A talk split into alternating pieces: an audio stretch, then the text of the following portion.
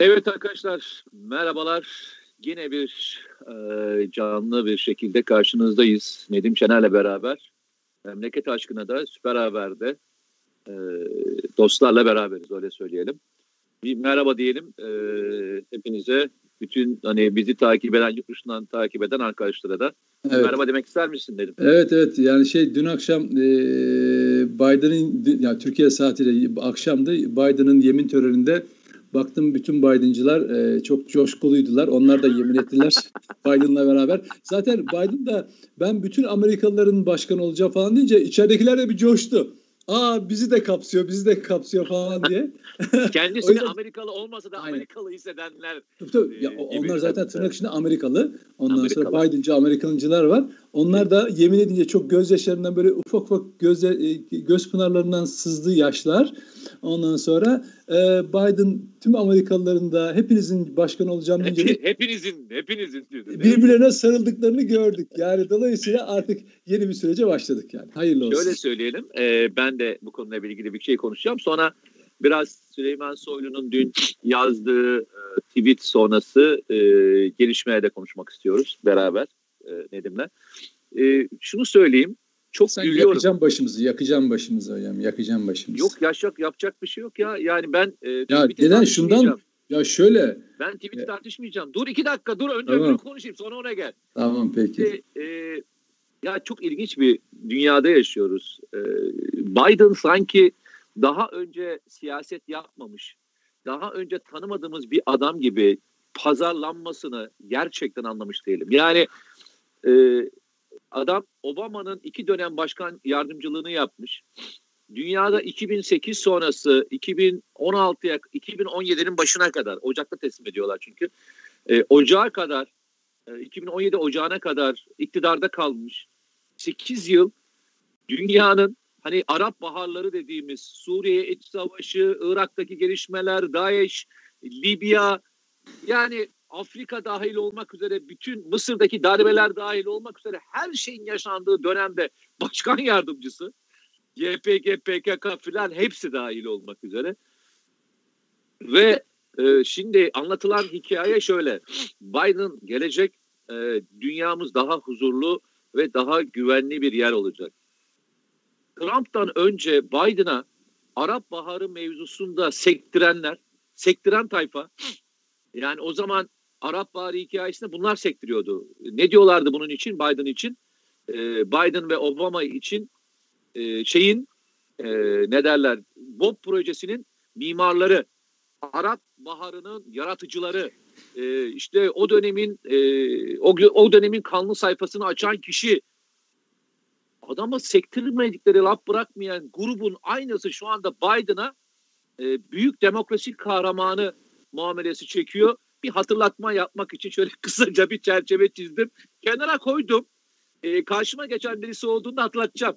Yani her defası hatırlatacağım. Sen değil miydin e, bu adamla ilgili sektiren? Ne oldu da şimdi adamın e, şeyi mi değişti, ruhu suyu mu değişti diye soracağımı da buradan deklare edeyim. E, Nedim söyleyeceğim bir şey var mı bu konuyla ilgili?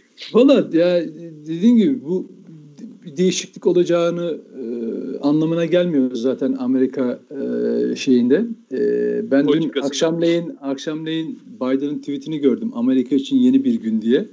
Ben de, de onu, onu, onu ekledim. Dünya için sıradan bir gün. Yani şey korkunç böyle üstad. Türk televizyonları özellikle Amerika'da muhabirlik yapmış olanların seslerindeki o heyecan, efendim o haberi veriş tarzı. Sana yemin ediyorum Türk siyasi hayatında Mesela işte e, Cumhurbaşkanlığı yemini konusunda detaylar işte geç geldi, erken geldi, en uzun, en kısa falan filan gibi bir takım detaylar olabilir. Mesela çok e, küçük detaylar. Ya bir, mesela bir tanesini izliyorum. Yani en uzun konuş şey, en uzun e, konuşma yapan, en kısa konuşma yapan. Efendim e, yani o kadar ilginç detaylara sahiplerdi ki ya dedim ki hocam biz neyi anlatıyoruz ya? Ya ben şimdi mesela çocuğumla bunu televizyonda izlerken Türkiye Cumhuriyeti'ndeki Cumhurbaşkanı'nın yemin törenini bu şekilde izleyemez. Bu kadar üzerine konuşulmaz. Ya Amerika, şöyle bak haber şudur. Amerika, Amerika'da, Amerika diye bir ülkede Başkan yemin etti. Bunun Türkiye siyasetine etkisi nedir? Türkiye ilişkileri etkisi nedir? Dünyaya etkisi nedir? Bunu tartışılabilir. Arkadaş canlı yayınlar, marşlar, şarkılar kusura bakma ama o zaman sen bu yeni genç kuşağa ne anlatacaksın arkadaş? Evlerde bu izleniyorsa, haber kanalları full bunu veriyorsa ne konuşacağız yani ne anlatabiliyor muyum? Nedir bunun bu kadar önemi? Abi sen onu takip bırak. E, seçimi ya, takip etti. Katılamıyor musun sen ya? Ee, tabii, yani tabii. eyalet seçimleri eyalet, takip ettik. Ya. Tabii yani ciddi çok ciddi problem var. Yani adam da zaten şunu biliyor konuşmasında izlerken e, konuşmasını dinlerken e, Biden diyor ki işte dünya bizi izliyor biliyorum diyor. Hangi yani neden böyle? Yani neden dünya seni izlesin? Sen 10 bin kilometre uzakta bize 10 kilo Orta Doğu'ya 10 bin kilometre uzakta bir ülkesin. Neden seni izliyoruz? Çünkü sen haydut bir devletsin. Çünkü sen terörist bir devletsin. Çünkü senin orada yapacağın, alacağın bir karar, demokrasiden bahsediyorsun, birlikten bah Çok ilginçti biliyor musun konuşmasında? Hep ulus vurgusu, American people, nation, American people, nation. Kaç defa ulus vurgusu yaptı, ulus olmaktan bahsetti. Bu Amerika denilen ülkedeki STK'lar, vakıflar, fonlar hazırladığı raporlarda da bizim gibi ülkelere ulus Ulustan devlet ne kadar peşinden. ulus devlet ne kadar kötü bir şey. Ee, işte aman böyle ha, ırk, ırkçı, milliyetçi tutumlar ne kadar kötü bir şey falan diye kendi ülkesinde 50 eyaleti bir arada tutmakta zorlanan ülke dünyaya fikri olarak bizim buradaki satılmış aydınlar da Amerikan ajanı haline gelmiş aydınlar da ya bu evet ulus devlet şeydir ya e, oturuyor birisi de ki yazıktır, günahtır, ayıptır. Cumhuriyet Halk Partisi'nin bir milletvekili de dört partiyle yani parti bir araya geliyorlar. Anayasa ilkeler metni hazırlıyorlar. Ülke nasıl ulus devlet olmaktan çıkartılır diye anayasa hazırlıyorlar. Atatürk milliyetçiliğini, Atatürk adını, Türk milliyetçiliği. Orada orada çıkarıyorlar. insanlar var. İşte Mehmet Ali Çelebi gibi e, milletvekilleri var Hiçmiş, orada abi. Bak, Çıkıyorlar gemi, ve gemi batmış. çatır çatır cevabını veriyorlar yani. Gemi batmış. Mehmet Ali Çelebi'nin yapacağı hiçbir şey yok. Hiç abi en şey. azından şey. çocuk yapabileceğinin şey, e, hiçbir şey. delikanlı gibi yapıyor. En azından yok. yapıyor diyorum abi yani. Hiç, hiçbir şey. Bak o o tavır o tavır bir ya Allah bana böyle muazzaf asker olmayı nasip etmemiş. O tavır nasıl gö- olurdu gösterilirdi. Yani böyle süreci uzat uzat uzat e, şeyden tasfiye ol, parti meclisinden gönderil falan. Ondan sonra çık mektup yaz falan filan. Kardeşim o iş daha ben senin benim gördüğümü aylar yıllar öncesinden görmüyorlar mıydı? Ben şu, çok özür dilerim bir şey söyleyeyim. Çelebi bu dönem milletvekili. Ben Yok istese, daha önce milletvekiliydi abi. Hayır aday oldu şey yapamadı kazanamadı. Aday olamayınca. Yok şey, daha önce daha önce de bir önceki dönemde de milletvekiliydi. Öyle mi? E, tamam. Tabii tabii. tabii. İlk defa milletvekili değil abi. Ha. Partinin nereye gittiğini kaç yıldan beri görmüyorlar mı abi? Görüyorlar. Ama susuyorlar, konuşmuyorlar. İş artık kopmuş yani ilişkiler bitmiş, sıfırlanmış. Kaftancıoğlu ekibi yerleşmiş, parti gitmiş, anayasa metinleri ortalara dolaşmış. Tamam hiçbir şey demiyorum bu da bir şeydir. Ama hiçbir etkisi olmaz. Neden, neden etkisi olmaz Bak ama ben sana bir şey. Bak, ben, ben, ben, ben, bak, bak, müsaade et. Parti meclisinde çok kavga ettim Mehmet. Evet, ee, evet, bak, bak öyle, öyle çok olmuyor. kavga bak, ettiği bak, için zaten hocam, tasfiye edildi Siyaset adam. öyle bir şey değil bak siyaset. O kadar bak, çok bir, kavga etti ki o kadar ben, çok dilekçe verdi ki onlarla ilgili. Ben anlıyorum senin e, arkadaşlık dostluğun şeyi olabilir. Yok ya ben hiç tanımam etmem. Ya, bak şunu. Yok. Bak şunu hiç alakası yok. Ben Dursun Çiçek'e milletvekiliyken e, mesaj attım. Dedim ki sadece hayatımda bir gün milletvekili olmak isterdim sizin yerinize. O da bugün dedim. Neden dedi tamam mı? Ya mesaj at neden? O gün e, Kemal Kılıçdaroğlu Adana'da konuşma yapıyor. Ahmet Altan'ı ve Nazlı alkışlatıyordu. Dedim ki dedim ki istifa etmek için. Bir gün milletvekili olmak isterdim. Neden? İstifa, istifa etmek için, tepkimi göstermek için. Ağzına onları aldığı an ben Dursun Çiçek, ben şu, ben X, ben Y, Ergenekon'da Balbay, her kimse fark etmez. O gün o partiyle ilişkimi keserim. Dedim ki sen, sen başka bir yere kaymışsın. Eğer onu savunuyorsan beni savunmayacaktın. Beni savunmuşsan onu savunmayacaksın. Bu ikisi yan yana gelmez. Bu ikisinin demokrasiyle falan ilgisi olmuyor. Ben hayatım boyunca kimseye kumpas kurmadım. Yalan söylemedim. Bir operasyon aracı olmadım. Ama onlar oldu ve benim üzerimden oldu. Sen şimdi onları savunuyorsun. Bu bunun demokrasiyle demokrasi hukuka, insan aklına saygılı insanların layık olduğu bir rejimdir. Demokrasi ağzına gelenin, haydutların, teröristlerin kullanacağı bir malzeme değildir. Tamam mı? Şimdi ama ne olmuş? Ne oluyor? Adam alkışlatıyor. Ondan sonra ne oldu sonra? Süreç devam etti. İşte dedi ki o da aynısını söyledi biliyor musun bana? Hatta televizyonda ben hatırlattım bunu kendisine. Abi biz par şey dedi e, kapı arkasında yani işte e, to, parti toplantıda bu konuda eleştirimizi yapıyoruz. Dedim ki geçmiş olsun. Orada ne eleştiri yapıyorsun ya? O eleştiri falan değil ki. Adam kamuya açık yerde bunu söylüyor. Sen bunu kamuya açık göstereceksin tepkini ve bitireceksin zaten orada ilişkini. İlke, ilke, ya partinin Kılıçdaroğlu'nun kendince bir ilkeleri var. Senin yok mu ya? O yüzden buraya kadar getiren Kılıçdaroğlu'nu bak daha da ileri götürecek olan o partiyi Atatürk'ün partisi olmaktan çıkaracak olan hep bu tutumdur. Bu ne diyelim oportunist tutumdur. İlk anda tepkiyi koyacaksınız. Ben bilmiyor muydum Kılıçdaroğlu ekibiyle iyi geçinmeyi? Ben bilmiyor muydum milletvekili olmayı? İki dönemdir, üç dönemdir milletvekili olurdum onlardan isteseydim. Cezaevinden çıktıktan sonra değil mi? Bak olan oldu. Kimse gıkını çıkarmadı PKK'nın siyasi kolundan. Kimse gıkını çıkarmadı. Bana olmadığım halde, hiç talebim de olmadığı halde şuradan milletvekili, buradan milletvekili olacaksın dediler. Değil mi?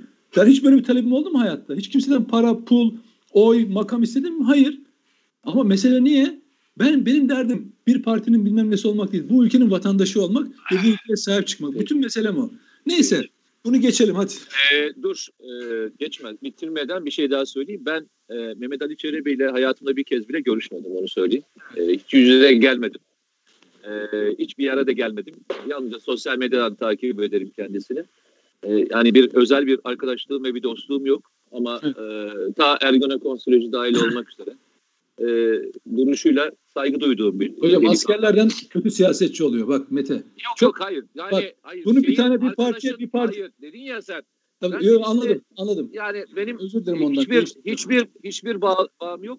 Ee, Değiştiriyorum. Ee, askerlerden yani, bak e, e, askerler iyi asker olabilirsin ama e, iyi, iyi siyasetçi olacağın anlamına gelmiyor. Çünkü bak bir partiye girdi birileri yine Ergenekon e, mağdurlar olanlar. Hepsini tasfiye etti o parti. İyi Parti değil mi? Ve Akşener'in partisi. Alayını. Evet. Oturup ondan sonra şimdi başka yerlerde şey arıyorlar hala. Kardeşim senin siyasetle alakan yok ki. Sen asker olarak bu ülkeye hizmetini yapmışsın. O ne kişisel ihtirastır artık. Neyin peşinde koşuyorsun? Yani vekil olsan ne olacak olmasan ha, oradan 3-5 kuruş daha fazla maaş. Ülkeye hizmet mi etmek istiyorsun? Sen asker gibi karakterini ve kimliğini koru. Sen zaten ülkeye öyle örnek olarak hizmet et. Yani vekil olup da sen ne hizmetin olacak? Hem bir yandan meclisin etkisiz etkinsizleştiğini, mecliste hiçbir şey olmadığını, meclisin hiçbir işe yaramadığını söylüyorsun. Eleştiriyorsun başkanlık sistem. Bir yandan da vekil olmak için can atıyorsun. O parti olmadı. Sonra geçiyorsun öbür partinin etrafında tur atıyorsun.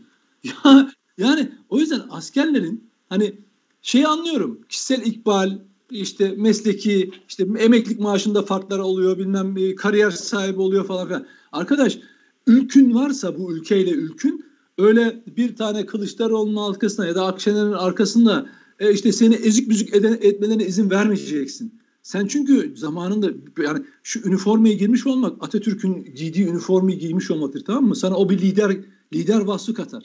Şimdi ona o ruha sahip değilsen partinin MKYK'sında milletvekili seçiminde 13. bilmem nerede seçilemeyecek sırada ben dedim ki bilmem ne. Yok kardeşim yapmayın.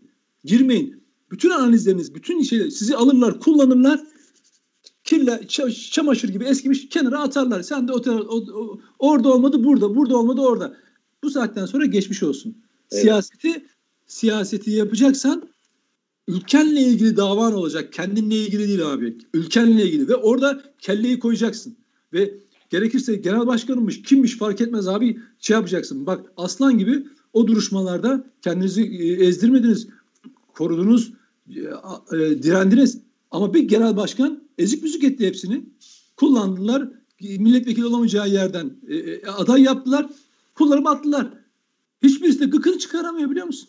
Hani FETÖ'cülere söyledikleri laflardan onu da birini söyleyemiyorlar. Ya kardeşim sizden de siyasetçi olmaz, sizi, sizi şöyle olmaz, böyle, siz şöylesiniz, böylesiniz diyemediler, diyemiyorlar. Niye? Orada işte siyaset yapıyorlar. Diyorlar Aslında ki şöyle söyledi. yarın- yani yarın- Ali, yarın Ali yine- Türkşen biraz Ali Türkşen bu konuda e, tavrını koydu yani. Yok, adını e, yapılanlarla. Ali Türkçen'in falan gibi adını anmak istemiyorum. Yok, hani hayır adını sor. Yok. Yani bu şekilde itirazını yaptı diye biliyorum. Evet, yani, evet. Takip ettiğim kadarıyla. Diyor, neyse ad, adlarını bile anmak istemiyorum yani. Peki, tamam. O zaman e, şeye geçelim istersen. Süleyman Soylu'nun e, attığı tweet e, tabii e, annesi ölüm döşeğinde e, ve e, büyük bir mücadele içerisinde her devlet görevlisi olduğu olduğu gibi kelle koltukta da görev yaptığı bir kesim. Evet. Yani bir taraftan FETÖ'cüler, bir taraftan e, PKK'ydı, sol örgütlerdi falan bir sürü yani yasa dışı sol örgütler e, düzeltiyorum. E, le yaptığı mücadele ortada. Bunun yanında DAEŞ'i var, radikal unsurlar da var. O sırada da tabii annesiyle ilgili küfürlü bir e, durumla ilgili mahkemeye başvuruyorlar. Tabii ki gördüğüm kadarıyla, tabii ki Türkiye'deki mevzuat anladığım kadarıyla öyle. Bu tür e, şeylerde tutuklanma talebini kabul edilmiyor. E, işte adli kontrol şartıyla dava devam ediyor. Gördüğüm kadarıyla öyle anladığım kadarıyla ve bu konuda da bir serzenişini belirten duygusal bir tweet attı. E, bu konuyu özellikle şunun için açmak istedim. Maalesef e, bugün Türkiye'de sosyal medya üzerinden e, klavye şövalyeliği yapan ve e, hukukumuzdaki boşluklardan da yaralanan bir grup var. Yani e, on binlerce insana küfür edebiliyor, rahatlıkla e, sövebiliyor, tehdit edebiliyor ve bunu herkesin gözü içinde, gözü içine baka baka yapabiliyor ve e, süreç maalesef Türkiye'deki belki yargı sisteminden kaynaklanan e, bir süreç. Belki buna hazırlıklı değiliz. Bu sosyal medya üzerinden sisteme hazırlıklı değiliz. Bir türlü e, yargı hızlı karar veremiyor. Yani belki mad yani tutuklanmasına bile gerek yok ama hani bununla ilgili para cezasını belki hızlıca ver, ver, verebilseler, tazminat davalarını açabilseler belki e, bu klavye şövalyelerini çok fazlasıyla ortada görmeyeceğiz. Ama nedense bununla ilgili herkes şikayetçi yani e, başta iktidar partisi olmak üzere şikayetçi ama nedense bununla ilgili de bir düzenleme yapılmasıyla ilgili de bir süreç hiç bugüne kadar geliştirilmedi. Ne dersin? Ee, bir, bir insan e, bir ülkede yaşarken e, kendini e, oraya ait hissetmesinin e, en önemli e, şartı e, eşit muamele yapıldığını düşünmesi olmalı. Yani insanlar orada eşit bir şekilde hukukun koruması altında hakkını arayabileceğini düşünmesi lazım değil mi? Hı hı. Bunu ama bunu söylerken FETÖ'cüler PKK'lıları veya örgüt yasa dışı işleriyle bulaşanlardan bahsetmiyorum. Suçlu kriminal tiplerden bahsetmiyorum. Normal düz hiçbir işe bulaşmamış insanlardan bahsediyorum. Yani sıradan demokrasiye, hukuka, anayasaya uygun vatandaşlar için. Ama öyle mi oluyor? Şimdi FETÖ'cülerin e, devlete sızma girişiminde en önem verdikleri yer ve en yüksek oranda yerleştikleri yer yargıydı biliyorsun zamanında. 13 bin civarında e, şey vardı. E, personel. Yargı. Sağ, yargı, 4500'ü belki daha fazlası. Yani bu yüzde otuzdan fazla ediyor. E, buradan çıktı.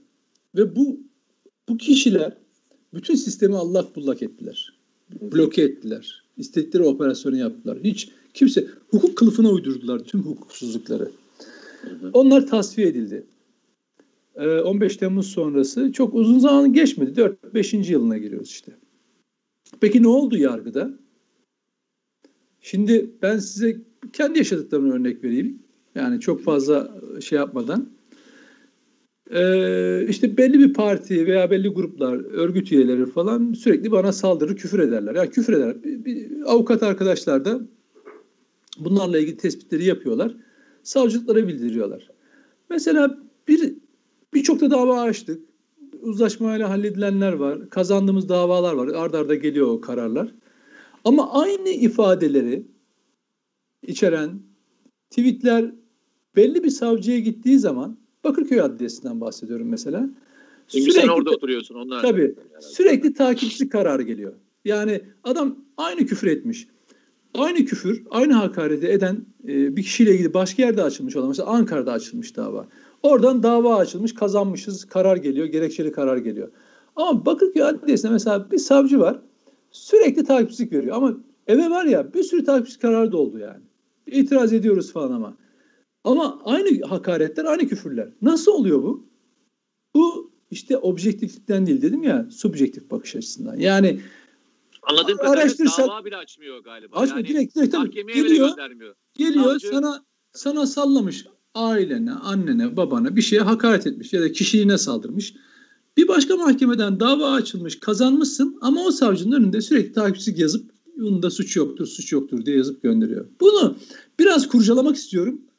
Fakat diyorum ki ya bunu yaparsan şimdi şahsileştirmiş olacaksın diyorum. Ya bırak hiç olmazsa prosedüründe yürüsün. Yani sicil numarası belli, kaç yıllık olduğu belli. Ne zaman nereden geldiği belli. Biraz araştırsan ne olacağı da belli. Ama diyorum ki ya bırak hukuk kendi yolunda ilerlesin. Hani Bakan Abdülhamit Gül demiş ya işte parmak sallamayın yargıya falan filan. Peki yargının içinde sorun var mı? Bir araştıralım bakalım, bir araştırsınlar bakalım. Bak ee, en son senin bildiğin hocam, kadarıyla bir e, itirafçının şimdi, ifadesinde en son 300 e, kişinin ismini verdi galiba yansıdı, değil mi? Basına yansıdı. Fethullahçı terör örgütü 7 tane bölgede 7 bölge oluşturmuş Türkiye'de 19 ilden sorumlu e, imam, büyük bölge imamı Kamil Bakum itirafçı oldu. 330'dan fazla isim verdi burada. Yani 2016 sonrası girenler mi bunlar şeye? Yargıya.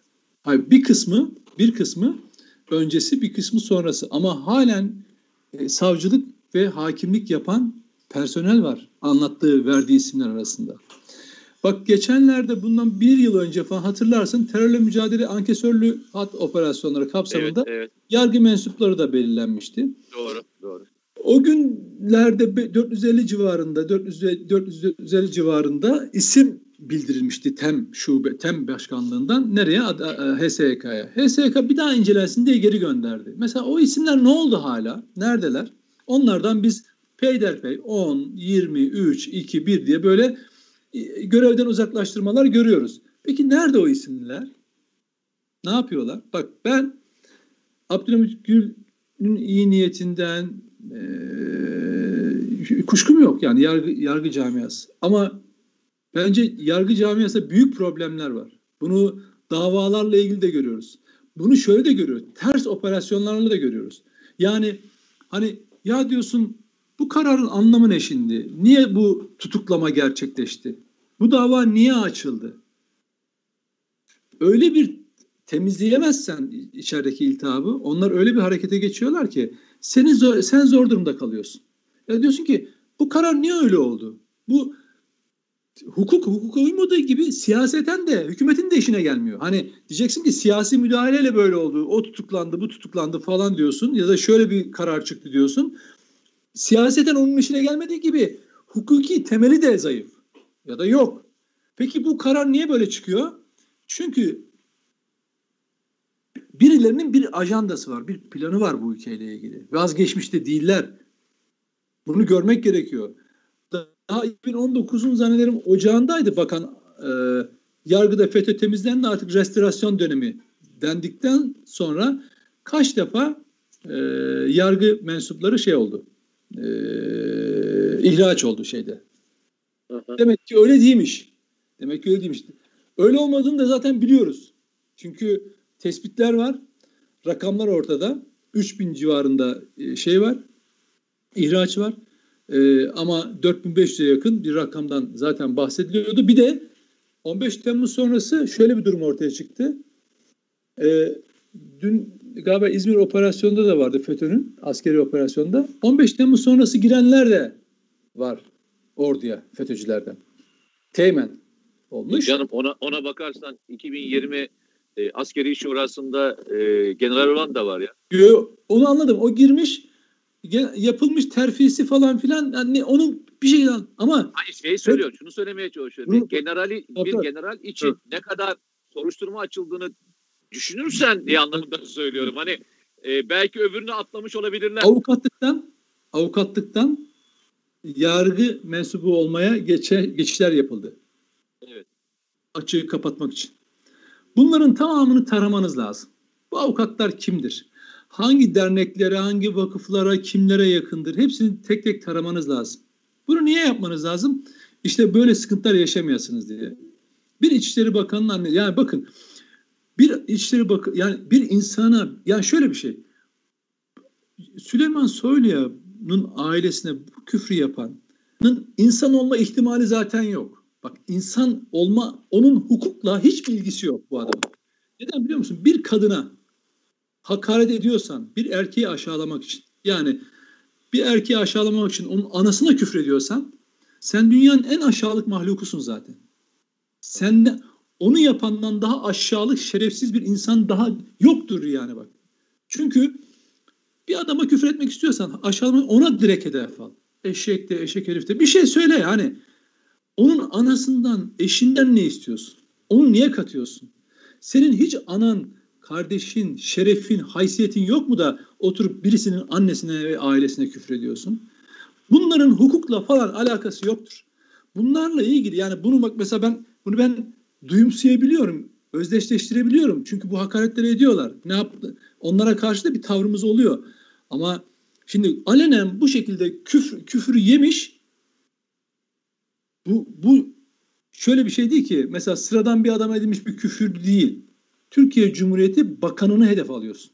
Bak sen orada Türkiye Cumhuriyeti Bakanı'nı hedef alıyorsun. Yargının bunu gözeterek yani böyle sıradan Süleyman Efendi'ye küfür etmiyor ki adam. İçişleri Bakanı olduğu için görevinden dolayı annesine küfrediyor. Onu o şekilde değerlendirmen gerekiyor senin hukukçu olarak.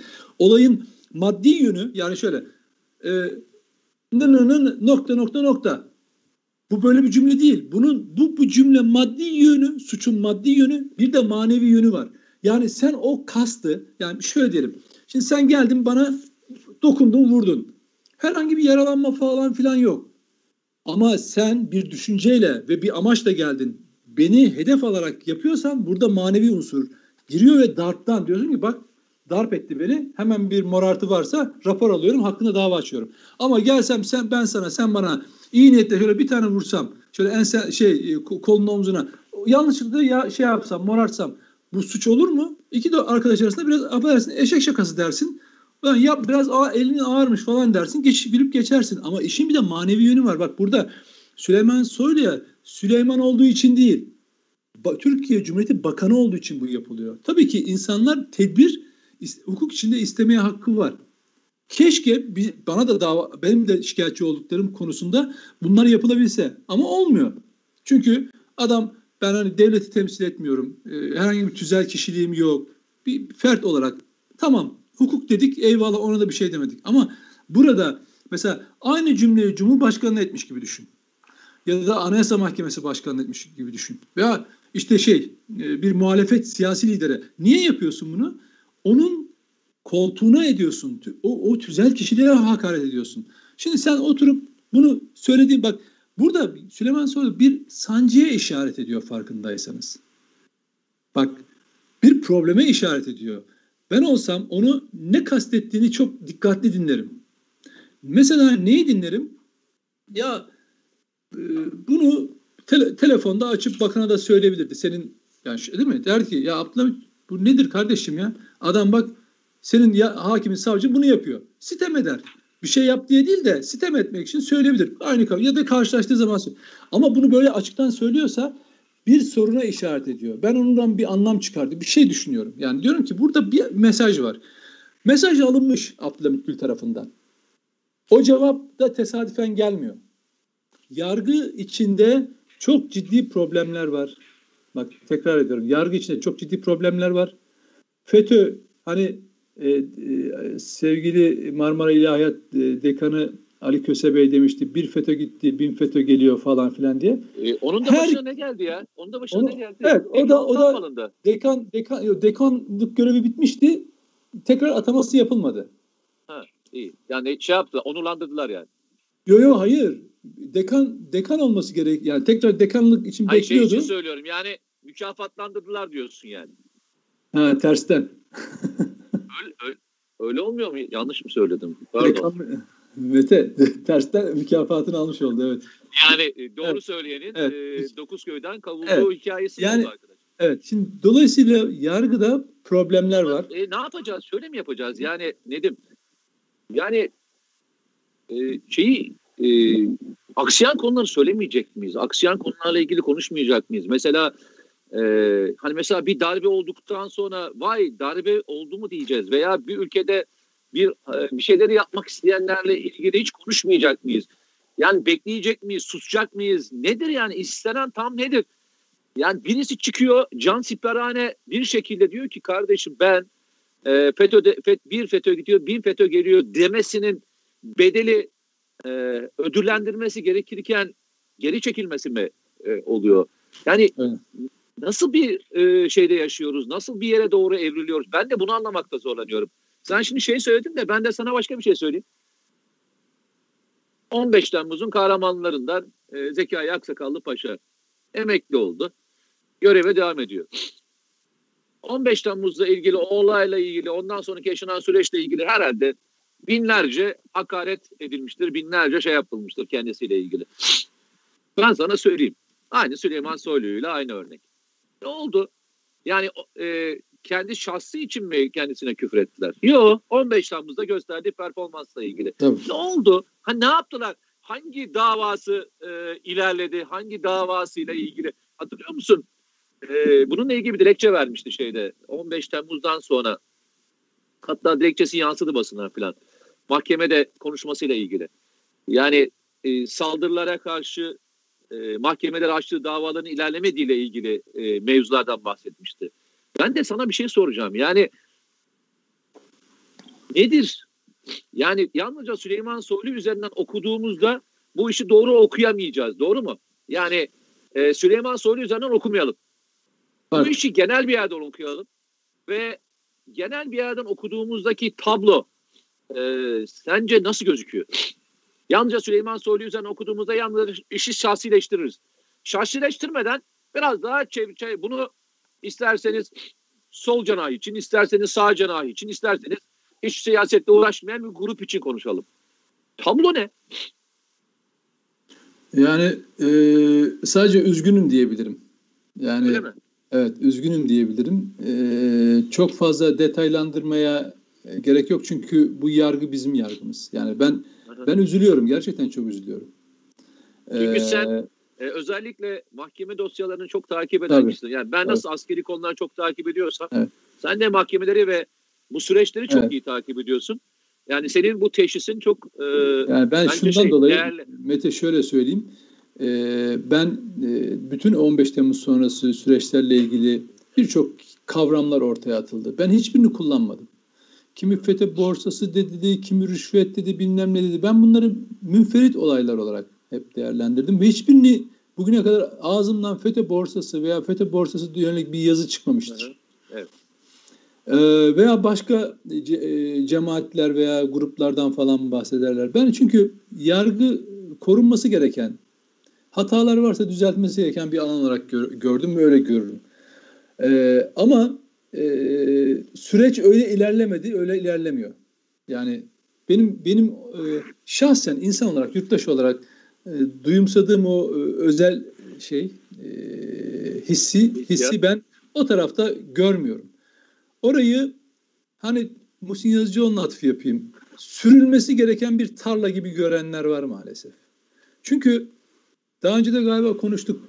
Şimdi FETÖ'cüler e, bir piyondur hepsi. İster asker olsun, ister polis, ister bürokraside. Ve piyonlar satranç tahtasında e, ilerledikçe mesela ata dönüşür değil mi? Mesela en son nokta karede. Yok at, en son işte şey olur. At, at olur. Yok at, atın yerine gelmişse at oluyorsun. Filin Yok, yerine gelmişsen fil oluyorsun. Şey, hayır hepsi karşıya geçmişse en sona gitmişse Yok. E, şey oluyorsun. Hayır, hayır ben arada tekten bahsediyorum. Tekten. Tek ha, taş geldi. Atın yerine o atı aldı ve at oldu. Artık ondan sonra senin atın bir atın daha olmuş oldu. Hem karşı tarafın atını yiyorsun onu alıyorsun. Yok Peki. öyle bir şey. Sen santraç bilmiyorsun. Öyle bir şey Değil mi ya? Yok öyle bir şey. Oraya gelmiyor mu? Hayır sen sen satranç bilmiyorsun. Yok öyle bir şey abi. Atı, atın yerine gelen piyon At gibi Yok, şey yok yapmıyor abi mu? yok. Hayır öyle bir şey yok. Değil mi ya? Nereden, nereden peki- çıkardın? Peki veziri yiyen piyon, vez- vezire, vezirin yerine gelen piyon vezir olmuyor mu? Değil mi ya? En sona en sona ulaşman lazım. En son ben onu söylüyorum zaten. En sondan Ama bahsediyorum. hayır hayır ama yani orada atı yediğin için at olmazsın. Ha yok yok hayır hayır, hayır, yok. şey. Hayır hayır. hayır. Yani zaten en son dizilimden en son sıra var ya rakibinin en Yok son yani öyle en sona vardığında da at olmazsın. En yükseğe olursun. O yüzden söylüyorum. A- Kale olarak kale olmazsın. Öyle mi? Yok yok yok. Ha. Tamam o zaman Ya ben en azından ben en azından böyle Tamam bilmiyorum. doğrudur. Öyle- Vallahi cahilliğim o anlamda Yok cahillik bir şey. estağfurullah ya öyle, Yok, öyle düşünme. Öyle Hayır istemem. çok oynadığımız bir oyun değil. Unutuyoruz o yüzden söylüyorum. Yok hayır vezire çıkan piyon var ya vezire çıkan piyon işte o piyon şey e, nedir onun adı en son kare en son çizgide e, şey oluyor vezir oluyor yani bir piyon vezire dönüşebiliyor. Aynen öyle öyle aynen öyle. Onu da onu kastediyorum. Şimdi Aynen. Yargıdaki bir piyon işte böyle bir vezir rolü oynayabiliyor ve bir yargı e, kararıyla ülke allak bullak haline gelebiliyor. Hatırlar mısın? Yine ben beraberdik o programda TVNet'te galiba. 15 Temmuz darbe 15 şey olacak Temmuz. hikayesi. Ya yargıda dedim hani şu kadar elemanı falan var diyorlar. Benim o kadar eleman olsa ipe götürmeyeceğim adam yoktur falan dediğim. Aynen öyle demiştim. Aynen budur tablo. Şimdi o devlet içinde çok ciddi bir çatırdama var. Ama bunu herkes duyum, duyumsamıyor olabilir. Ancak yaşarsanız bunu yani hissederseniz aman dersiniz ayakta kalsın her şey. Ya e, işin diye. ilginç tarafı ne biliyor musun? Bak sana e, ilginç bir şey söyleyeyim. E, yanlış anlama bunu. Yani daha kimse yanlış anlamasın. Bakın e, şöyle bir e, yanlışımız var bizim. Mesela etrafımızda da bir e, çember oluştuğunda birilerinin e, kulağımıza üflemiş oldukları konuları gerçek zanneden insanlar olabiliyor. Yani şu şöyle söylüyorum. Yani iyi bir şey söylüyorlar. Ya o adam iyidir, iyidir, iyidir, iyidir deyip bir yere taşıyabiliyorlar. Veya birisiyle ilgili kötü kardeşim, bu adam kötü, kötü, kötü deyip aşağı indirebiliyorlar. Yani devlet dediğimiz şey tabii ki e, böyle çalışmamalı. Yani bir insanın geçmişi, yaptıkları, başarı grafikleri yalnızca bir veya iki kişi değil, onlarca kişi tarafından teyit edilmeli ve ondan sonra hayatın e, gerçekliği olarak kabul edilmeli. Bir veya iki kişinin tiyosuyla artık bir şey yapmaktan vazgeçmeliyiz. Geçen gün hatırlıyorsan şu savunma sanayi başkanlığındaki bir tane görevliden bahsetmiştik. Hatırlıyor musun? Hani e, bu Evet. akıllı sistemler ve İHA'larla ilgili. Mesela ben her defasında aynısını söylerim. Birisi bu kadar kritik görevlere getiriliyorsa bunun arkasından referans oranları da bir sorun kardeşim. Yani Tabii. bankada da birisi e, bankadasınız ve birisine referans oluyorsunuz. Şey veriyorsun, kredi verdiriyorsunuz. Banka müdürü daha sonra bunun hesabını veriyor.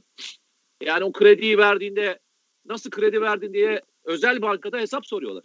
Tabii. Devlette de birisi bir şey yaptığında yanlış yaptığında referanssa o referansın da belirli. Bak sana bir şey söyleyeceğim ve bu çok önemlidir. Bizim özel kuvvetlerin içine sızmaların başladığı dönem hangi dönemdir biliyor musun? Kefalet sisteminin kalktığı dönemdir. Hmm. Bizde kefalet sistemi vardır özel kuvvetlerde. Yani özel kuvvetlere seçilirken seçilirsin bir de sana içeriden birisinin kefil olması lazım. Yani eskiden öyleydi. Kefil olur sana. Der ki bu adam dört dörtlüktür her şeyle özel kuvvetlerde yapabilir. Ama hata yaptığında kefil de gider senden beraber biliyor musun? Öyle mi? Tabii. 24 saat içinde 24 saat içerisinde bana bir tane sarı zarf gelir. Hadi kardeşim bay bay.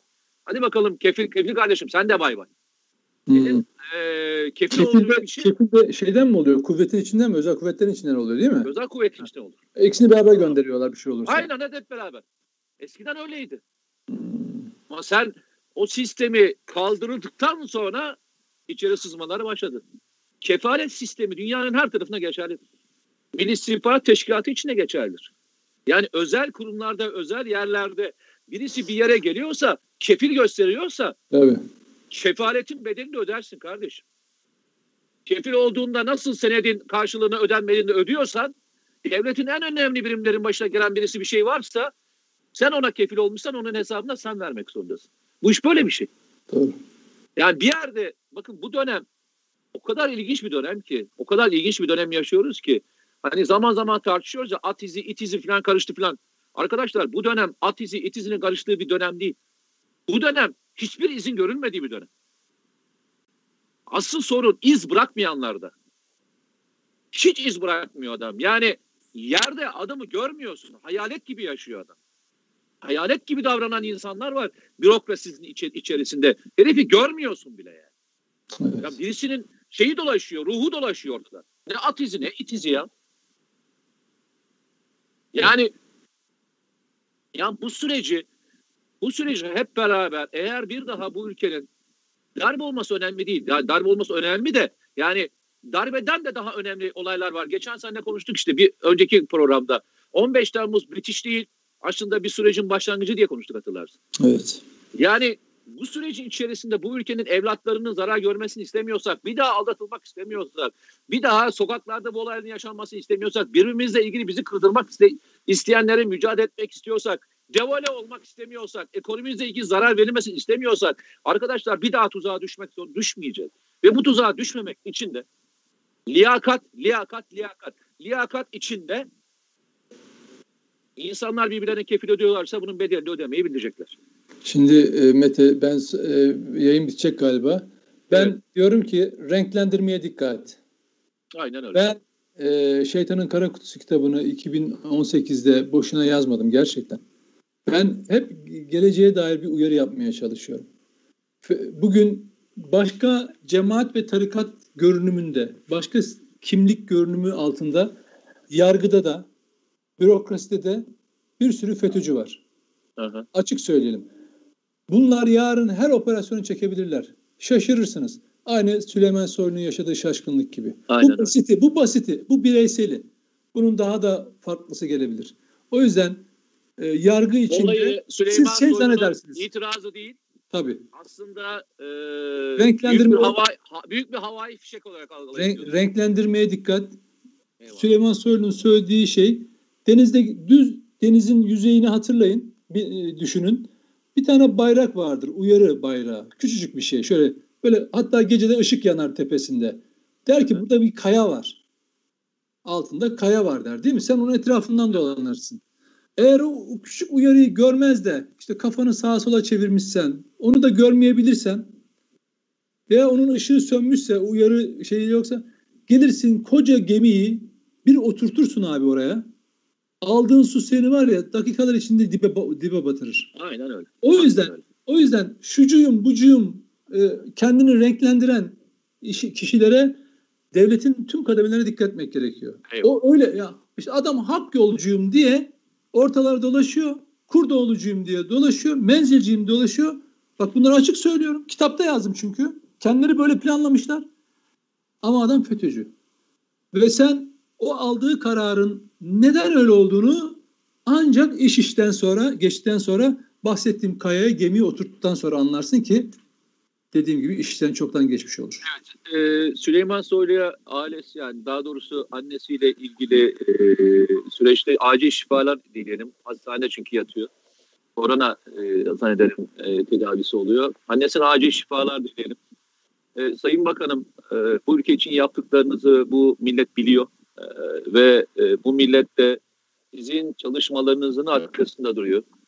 Anneniz annemizdir. E, sizin hiç bununla ilgili küfreden olay olduğu gibi milyonlarca insan da size dua ediyor. E, lütfen olaya bu şekilde bakmaktan vazgeçmeyin. E, biz e, o dua edenlerdeniz. E, Allah yaptığınız hizmetleri e, çoğalsın. E, anneniz için de dua etmekten vazgeçmeyeceğiz. Evet, geçmiş olsun herkese de bu arada. Evet, çok teşekkür ederiz arkadaşlar. İzlediğiniz için, takip ettiğiniz için.